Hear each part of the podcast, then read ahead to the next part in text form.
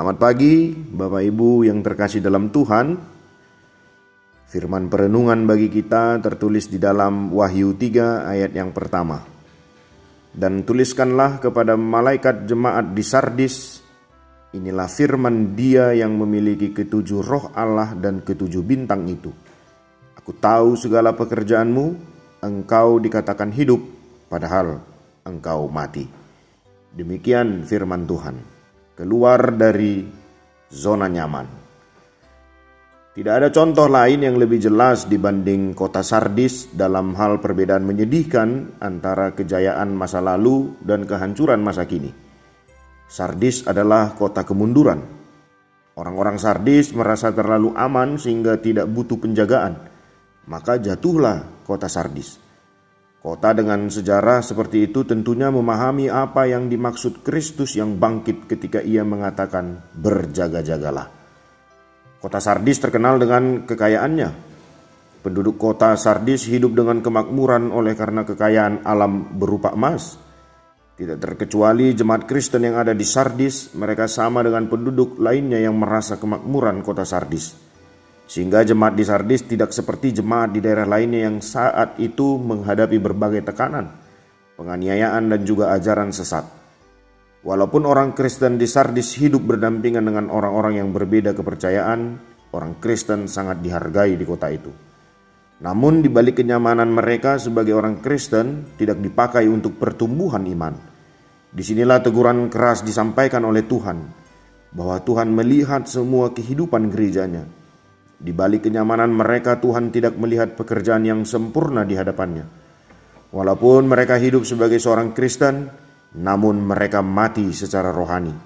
Inilah yang menjadi peringatan Tuhan kepada jemaat Sardis supaya mereka bertobat dan kembali sebagaimana ketika mereka menerima Injil kebenaran Tuhan. Engkau dikatakan hidup padahal engkau mati. Dalam perjanjian baru istilah mati dapat menggambarkan kehidupan orang yang hidup di dalam dosa. Bisa saja secara fisik seseorang itu hidup, namun dari iman dia adalah mati. Hal ini menggambarkan sikap seseorang yang menjalankan rutinitas kekristenan, namun sikap dan perbuatannya bertentangan dengan firman Tuhan. Maka bangunlah dan bertobatlah. Kita perlu bersyukur karena kasih setia Tuhan yang besar yang mengingatkan kita dan memberikan kesempatan bagi kita untuk bertobat. Dan kita diingatkan melalui nas ini supaya sepanjang hidup kita tetap berjaga-jaga sehingga kita tidak terlena oleh kenikmatan dunia yang membuat iman kita mati.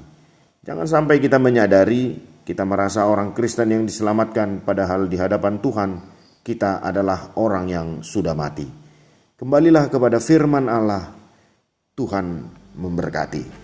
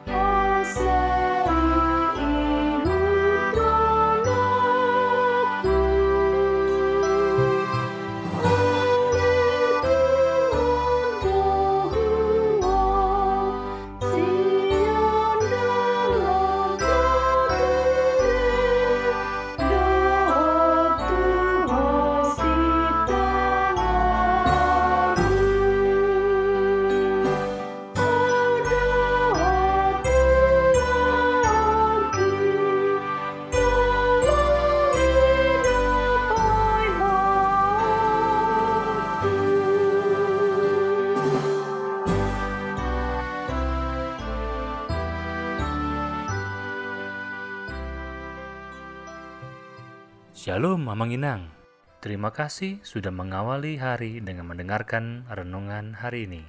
Yuk bagikan renungan harian ini kepada keluarga kita sehingga firman Tuhan itu tidak kembali sia-sia, namun berbuah dan terpelihara. Tuhan Yesus memberkati.